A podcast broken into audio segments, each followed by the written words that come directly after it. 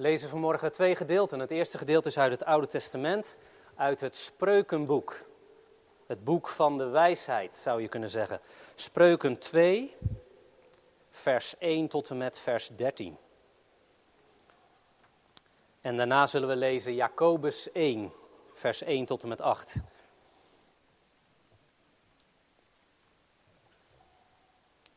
Maar we lezen nu eerst Spreuken 2, waar de gelovige, godvrezende leraar het volgende tegen zijn leerling zegt.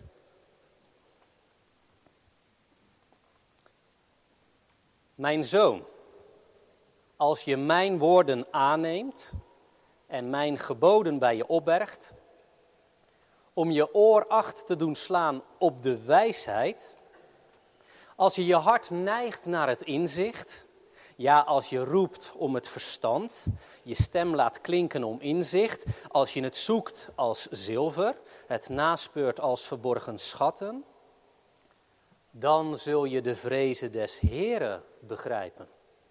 De kennis van God vinden. De Heere geeft immers wijsheid. Uit zijn mond komen kennis en inzicht. Hij houdt voor de oprechten wijsheid gereed. Hij is een schild voor hen die in oprechtheid hun weg gaan, opdat zij de paden van het recht in acht nemen. Hij bewaart de weg van zijn gunstelingen, van zijn vrienden. Dan zul je gerechtigheid en recht begrijpen en billijkheid op elk goed spoor. Ja, in je hart zal wijsheid komen en kennis zal aangenaam zijn voor je ziel. Bedachtzaamheid zal over je waken, inzicht zal je beschermen. Om je te redden van de verkeerde weg, van de man die verderfelijke dingen spreekt, van hen die de rechte paden verlaten, om op de wegen van de duisternis te gaan. We lezen nu uit de brief van Jacobus, Jacobus 1, vers 1 tot en met 8. In even de situatie zal ik even kort schetsen. Jacobus, de broer van de Heer Jezus, schrijft aan christenen die in de verstrooiing zijn. Dat zijn Joodse christenen die gevlucht zijn vanwege christenvervolging, die is uitgebroken kort na Pinksteren. Sommigen zijn opgepakt, sommige van hun familieleden mogelijk zelfs gedood. Ze zijn weggevlucht uit hun huizen en wonen nu in een andere omgeving. En naast die heftige dingen die ze hebben meegemaakt, hebben ze ook nog te maken met armoede, met onrecht, met onbegrip en ook met het lijden en verdriet wat het leven met zich meebrengt. En aan hen schrijft Jacobus het volgende. Jacobus, een dienstknecht van God en van de Heer Jezus Christus, aan de twaalf stammen die in de verstrooiing zijn. Wees verheugd. Acht het, houd het enkel voor vreugde, mijn broeders, wanneer u in allerlei verzoekingen terechtkomt. Als je te maken krijgt met allerlei beproevingen en moeilijke dingen en de verleidingen die daarbij horen. Want u weet dat de beproeving van uw geloof volharding teweeg brengt. Maar laat die volharding ook volledig doorwerken, opdat u volmaakt bent en geheel oprecht en in niets tekortschiet. En als iemand van u in die moeilijke situatie in wijsheid tekortschiet, laat hij die wijsheid dan vragen aan God, die aan ieder overvloedig geeft en die je dan geen verwijten maakt. En die wijsheid zal hem, zal haar gegeven worden. Maar laat hij er in geloof om vragen en daarbij niet twijfelen. Immers wie twijfelt lijkt op een golf van de zee, die door de wind voortgestuwd en op en neer geworpen wordt. Want zo iemand moet niet denken dat hij iets ontvangen zal van de Heer. Want die persoon is een dubbelhartig mens, onstandvastig in al zijn wegen. Dit is het woord van de Heer. Zalig bent u, bent jij, je bent te prijzen als je dit woord gelooft en eruit leeft. De tekst van de verkondiging vindt u in vers 5. Het thema van de preek is als je het niet meer weet wat je moet doen.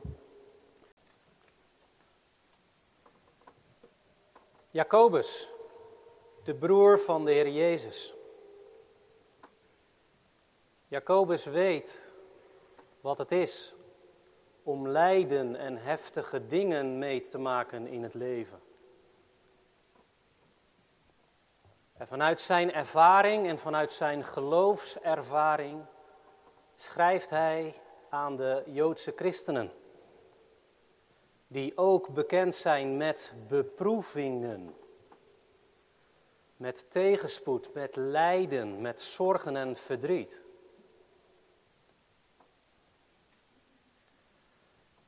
En Jacobus vertelt hen, in vers 2 zien we dat,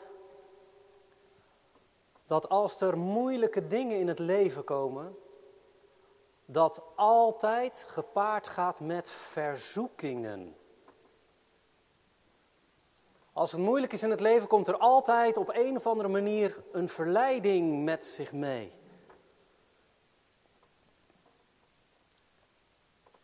En dat is ook niet zo gek. Want als het moeilijk wordt in het leven, juist dan ben je heel kwetsbaar. En als er iets heftigs gebeurt, iets heel verdrietigs of wat moeilijk is, juist dan kan de verleiding omhoog komen om te twijfelen.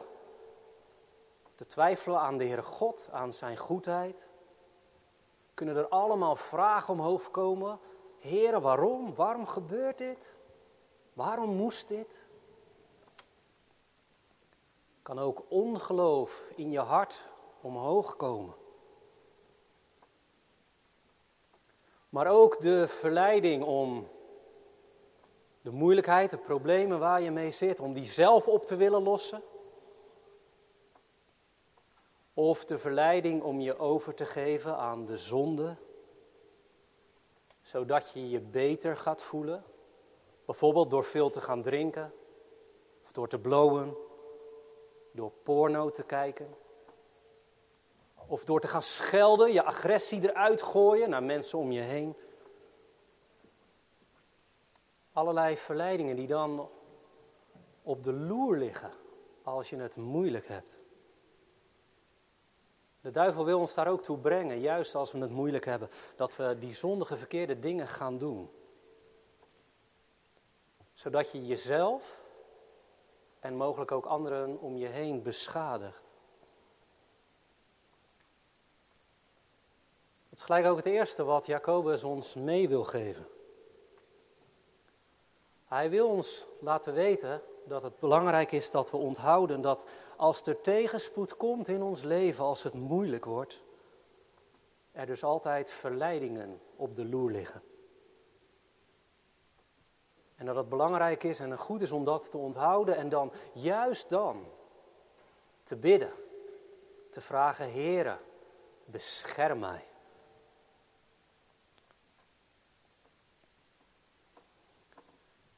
Jacobus weet hoe het eraan toe gaat in het leven, hoe moeilijk het leven kan zijn. Jacobus weet dat dingen soms zo moeilijk, zo zwaar kunnen zijn, dat het voelt alsof het te veel is, te moeilijk is. En Jacobus weet ook dat je vast kan lopen in het leven. Dat je het soms niet meer weet, niet meer weet hoe zal het moeten gaan. Nu dit gebeurd is of nu dit niet gebeurd is.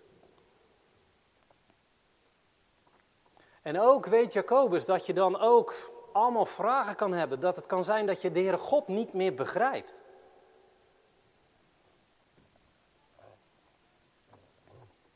En Jacobus weet dat die momenten er zijn. Dat zien we in vers 5. Want daarom zegt hij, hè, als iemand nu in wijsheid tekortschiet. Als je het dus niet meer weet. die momenten van het even niet meer weten, het ook als christen niet meer weten, die momenten horen erbij, zegt Jacobus ons. Die horen bij het leven en ook bij het leven als een christen. En dat vind ik zo bemoedigend, zo troostrijk. Om dat te mogen horen en weten. Dat er dus momenten zullen zijn of kunnen zijn in je leven dat je in wijsheid tekortschiet. Dat je het echt niet meer weet hoe het moet. Voor jezelf, voor je dochter of je schoondochter, voor je kind, je kleinkind. Dat kan, dat mag dus in het geloof. De vraag is dan, mag je van jezelf tekortschieten? Mag je van jezelf falen? Mag je het even niet meer weten, ook van jezelf? Hebt u, heb jij dat al geleerd in het geloof, in het leven met de Heere God? Of denk je vaak nog zoals de wereld? De wereld denkt het leven moet leuk en mooi en goed en zo perfect mogelijk zijn. Dat zien we in de reclame. Dat zie je ook vaak op de social media. De mooie foto's die iedereen daar neer. Dus het leven moet leuk, mooi en goed zijn. En daar moet je natuurlijk zelf voor zorgen, de goede keuzes voor maken. En als je het echt wil, dan lukt dat. Zegt men dan? Of denkt men? Dan moet je dus zelf voor zorgen. En nog iets, hè? de wereld die denkt ook heel erg in termen van zelfredzaamheid. Hele populaire gedachte. En dat betekent, je moet jezelf kunnen redden. Dat is belangrijk, dat is goed. Dat betekent dus dat jij het zelf moet kunnen oplossen. Dat jij het moet kunnen redden. Dat jij het moet kunnen weten en moet doen. En die boodschap die klinkt ook in de psychologie, maar ook in populaire boeken en films. Bijvoorbeeld over uh, mensen die dan uh, ja, met moeilijke dingen te maken krijgen. Maar ze komen er zelf uit, natuurlijk na een worsteling. En uiteindelijk worden ze zelfs nog superhelden.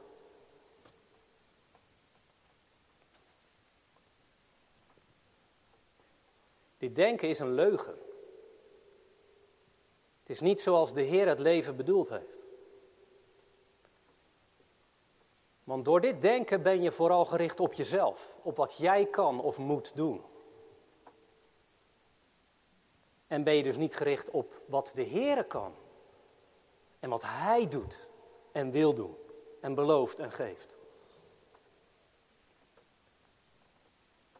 Dus de vraag is, mag je van jezelf tekortschieten? Heb je dat geleerd in het geloof?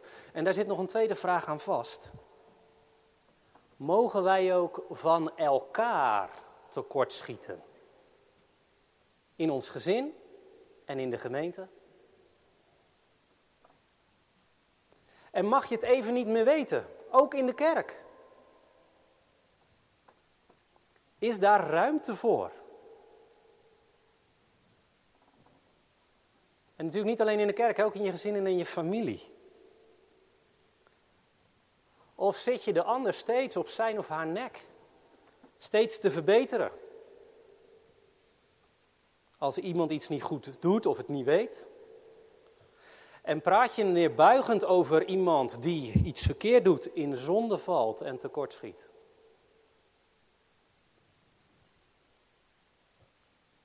Als we zo met elkaar omgaan, dat is funest. In ons gezin, in de familie, in de gemeente. Maakt heel veel kapot. En we zijn dan ook liefdeloos en genadeloos bezig.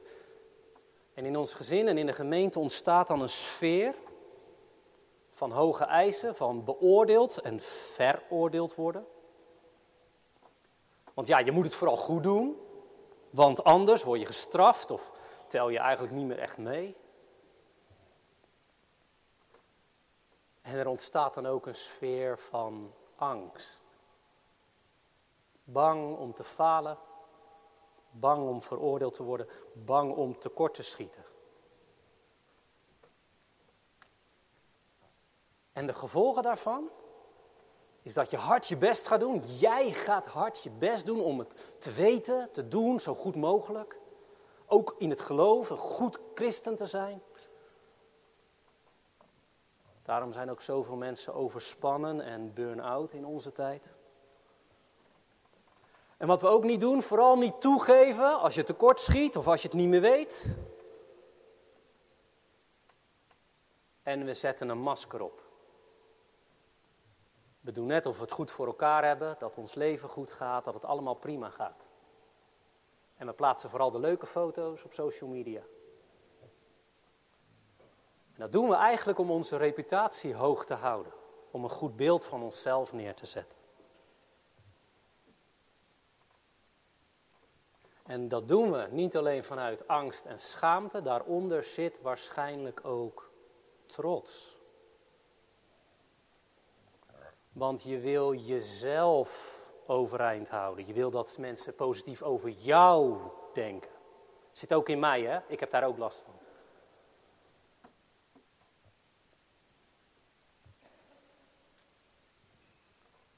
Jacobus zegt, als je nou in wijsheid tekort schiet, tekort schiet. Wanneer ga je leren om dat wel eerlijk toe te geven, dat je tekort schiet? Bijvoorbeeld als je ontdekt hoe klein, hoe zwak en beperkt en kwetsbaar je bent als mens. Dat kan omdat je dat inzicht ontvangt vanuit de Bijbel, vanuit gesprekken met mensen of door wat je ziet om je heen. Maar heel vaak gebeurt dit bij ons pas als er ziekte in ons leven komt. Als we tegen beperkingen aanlopen. Als wij vastlopen, wij zelf vastlopen. Dan ontdekken we opeens, hé, hey, het lukt me niet. Ik zou het wel willen, ik heb mijn best gedaan, maar het lukt me niet. En dan ondervind je, ik ben afhankelijk van God, van zijn hulp en van zijn goedheid. En wanneer je tekortschieten ook leert toegeven, als je gaat ontdekken, juist ook als christen, dat je uit jezelf Gods wil niet doet of wil doen. En dat je gevoelig bent voor verleidingen. Dat je zo graag je eigen zin wil doen, veel liever dan die geboden van God. En dat je dan ook gaat beseffen, maar wacht even. Daarmee doe ik God tekort. Beledig ik de Heer. En sta ik schuldig voor Hem. En dat je dan ook beseft, ik ben afhankelijk van Gods genade. Want als je schuldig bent voor God, hè, dan zou God tegen je kunnen zeggen, ook tegen mij, ik vergeef niet. Ik ga in je voorbij. Ik laat jou in je zonde en schuld. Maar God kiest ervoor om zondig, naar zondige mensen naar ons toe te komen en ons genade te geven. Dat is zijn keuze. Niet omdat je dat verdient, maar omdat Hij dat wil. En als Hij dat nou niet had gedaan, hadden u, jij en ik een probleem gehad. En dat God komt, maakt dat je beseft, hé, hey, ik ben afhankelijk van Zijn genade. Ik mag dus mijn zonden en gebreken ook aan Hem eerlijk toegeven. Dat kan. En daarom, waarom ga je je tekortschieten, je falen toegeven? Vooral ook als je Gods genade gaat zien, zijn grote goedheid. Daar wijst Jacobus ook op. Want kijk maar in vers 5, wat zegt Jacobus? Schiet je tekort, heb je dus iets nodig, wijsheid of ook iets anders? Vraag aan God die geen verwijten maakt. Hoor je het? Schiet je tekort, Vraag aan God wat je nodig hebt, want hij maakt geen verwijten. Dat betekent, God is geen hardvochtige vader. Hij is niet hard en streng of zo. En hij verwijt het je niet als je het, niet, het je niet lukt of als je het niet meer weet. Nee, hij is een goede vader. Een liefdevolle, genadige vader. En dat zien we ook, hè? want Jacobus zegt: vraag dan aan God die aan iedereen geeft. En daarin zie je het. God geeft graag. Hij geeft echt heel graag aan iedereen die naar hem toe komt. Die zijn vertrouwen op God stelt. Dat gaan we straks ook zingen in Psalm 81, vers 12. Open je mond, vraag aan mij vrijmoedig. Al wat je ontbreekt, schenk ik. Als je het smeekt. Dat zegt God.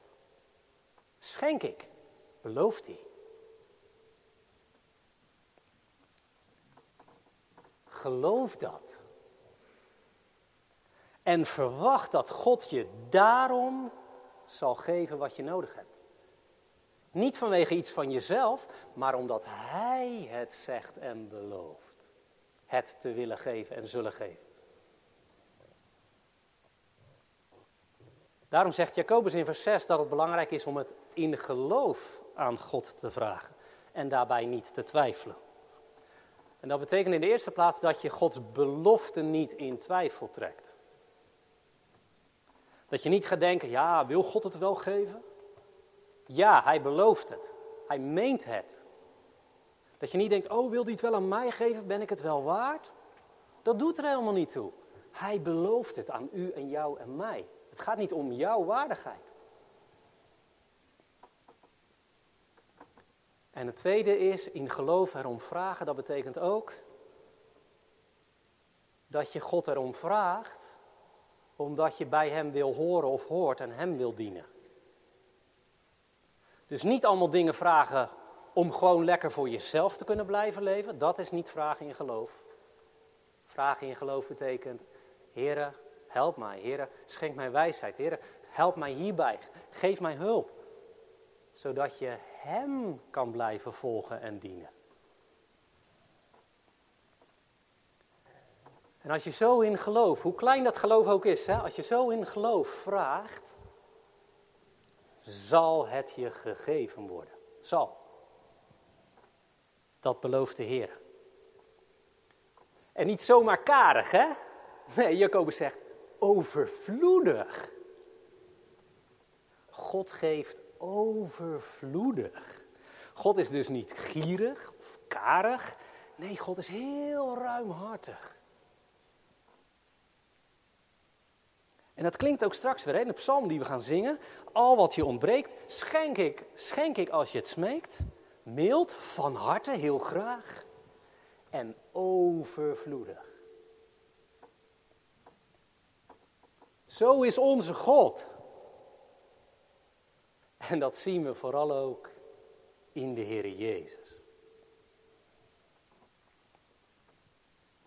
Want God gaf het liefste wat hij had zijn zoon. En die gaf hij aan ons zondige mensen die niet zaten te wachten op God en op Jezus. God gaf ons zijn zoon om te sterven. Op ook een hele jonge leeftijd. Om te sterven in onze plaats. Vanwege u, jou en mij, maar ook voor u, jou en mij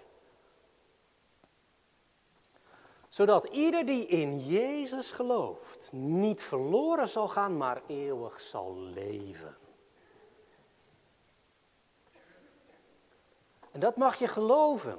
Dat als je in Jezus gelooft, God jou vanwege Jezus genadig is. Vanwege Jezus. Zo overvloedig, zo ruimhartig geeft God aan wie hem vragen. Nou, als je dat nou gelooft, hè, dan ben je vergeven. Dan ben je helemaal goedgekeurd door God vanwege Jezus. Rechtvaardig verklaard noemen we dat. En dan hoef je je niet meer schuldig te voelen over je zonde van vroeger. En dan hoef je je ook niet meer te schamen.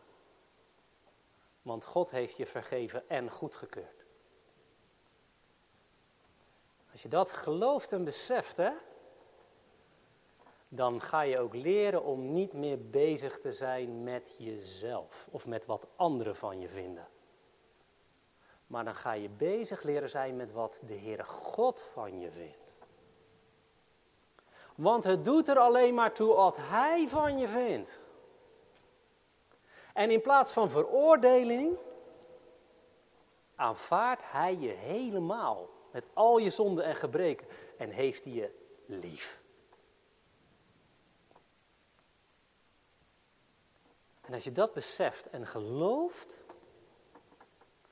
ja, dan ga je ook durven toe te geven dat je tekort schiet, dat je zondig bent. Want je weet, God is mij ondanks dat genadig vanwege Jezus. En dan ga je ook leren toe te geven als het je niet meer lukt. Als je het niet meer weet. Want je weet, er is hoop, er is genade. Omdat je weet, God belooft in dit gedeelte, als iemand tekortschiet, als iemand in wijsheid tekortschiet, en het dus niet meer weet, dat diegene het aan God mag vragen en dat God dan kan helpen en wil helpen en zal helpen. Hij zal overvloedig wijsheid geven. Wat is dan die wijsheid die God dan overvloedig geeft? Waar moet je dan aan denken? Nou, Jacobus werkt dat verder uit in zijn brief. In de eerste plaats kennis over hoe je als christen hoort te leven. En in het bijzonder ook hoe je als christen, als gelovige mag leren omgaan met moeite, pijn en verdriet. En daarom staan in de Bijbel een heleboel voorbeelden van mensen die ook lijden en verdriet en moeilijke beproevingen hebben meegemaakt. Zodat wij daarvan kunnen leren, kunnen zien, hé, hoe hebben zij dat gelovig leren volhouden? Hoe zij zijn omgegaan met die vragen, met hun worstelingen, met hun verdriet. En daarnaast geeft de Heer ook ons zelfinzicht, vooral via zijn woord. In het geloof, in het leven met Hem en door zijn woord wil Hij ons laten ontdekken, laten zien hoe wij omgaan met moeilijke dingen. Want ieder van ons heeft een eigen manier om met moeilijke dingen om te gaan. En soms helpt die manier niet of niet meer. En de Heer God wil ons dat laten ontdekken, zodat we andere manieren aanleren met Zijn hulp, om het toch te kunnen dealen en dragen. En Hij wil ons dat ook laten ontdekken wat er in ons hart leeft, aan verleidingen, maar ook aan vertrouwen.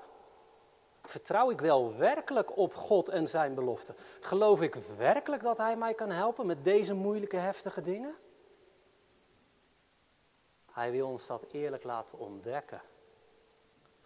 Zodat je dat ook eerlijk toe gaat geven en Hem om hulp erbij gaat vragen.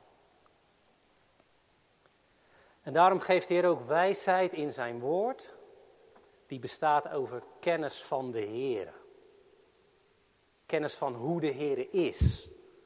En geeft Hij ook inzicht hoe Hij werkt. En dat hebben we nodig. We hebben het nodig, vooral ook als we zitten met allemaal vragen. Heren, waarom? Waarom dit? Waarom ik? Hoe lang duurt het nog? En door te begrijpen hoe de Heer is en hoe Hij werkt, dat kan ons helpen maar ook kennis van de Heer om ons, onze moeite, ons verdriet, ons lijden in het juiste perspectief te leren zien. En neer te naar te leren kijken vanuit Gods perspectief en Christus perspectief. De wijsheid die de Heer geeft bestaat daar ook uit in dat Hij Zijn belofte aan ons bekend maakt. Dat wij leren weten wat Hij belooft. Waar wij ons aan vast kunnen houden. Hè? Juist ook als alles uit je handen geslagen wordt. Daarom geeft hij juist die belofte. Dat je je op hem en zijn belofte richt. En daarop leert vertrouwen.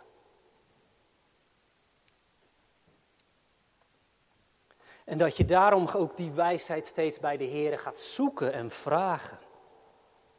Want dat zegt Jacobus, hè, schiet je in wijsheid tekort, weet je het niet meer. Vraag het dan aan de Heer. Zoek het bij Hem. En dat is ook het refrein in de Bijbel, in Spreuken 2. Zegt de Heer dat ook. De Heer geeft wijsheid. Het komt uit Zijn mond. Hij geeft kennis en inzicht om je te helpen en te beschermen en te leiden. Ja, en hoe werkt dat? Weet je, soms geeft de Heer dan ook inzichten die de Heer op laat komen in je hoofd, in je hart. Dat kan. Maar de Heer geeft werkelijk vooral die wijsheid, die inzichten via zijn woord, via de Bijbel. Dat lazen we ook in Spreuken 2, want daar werd gezegd, mijn zoon, als je mijn woorden aanneemt, de woorden van God. En als je mijn geboden kent en bij je opbergt, dan neem je toe in wijsheid. En dan ontvang je inzicht.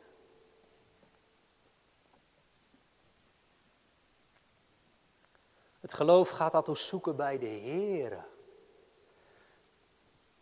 Gaat het zoeken in zijn woord. Dus weet je het niet meer, loop je vast, is het heftig en je hebt wijsheid en inzicht nodig, dan moet je dus in het woord van de Heer zijn. Zijn woord gaan lezen en bestuderen.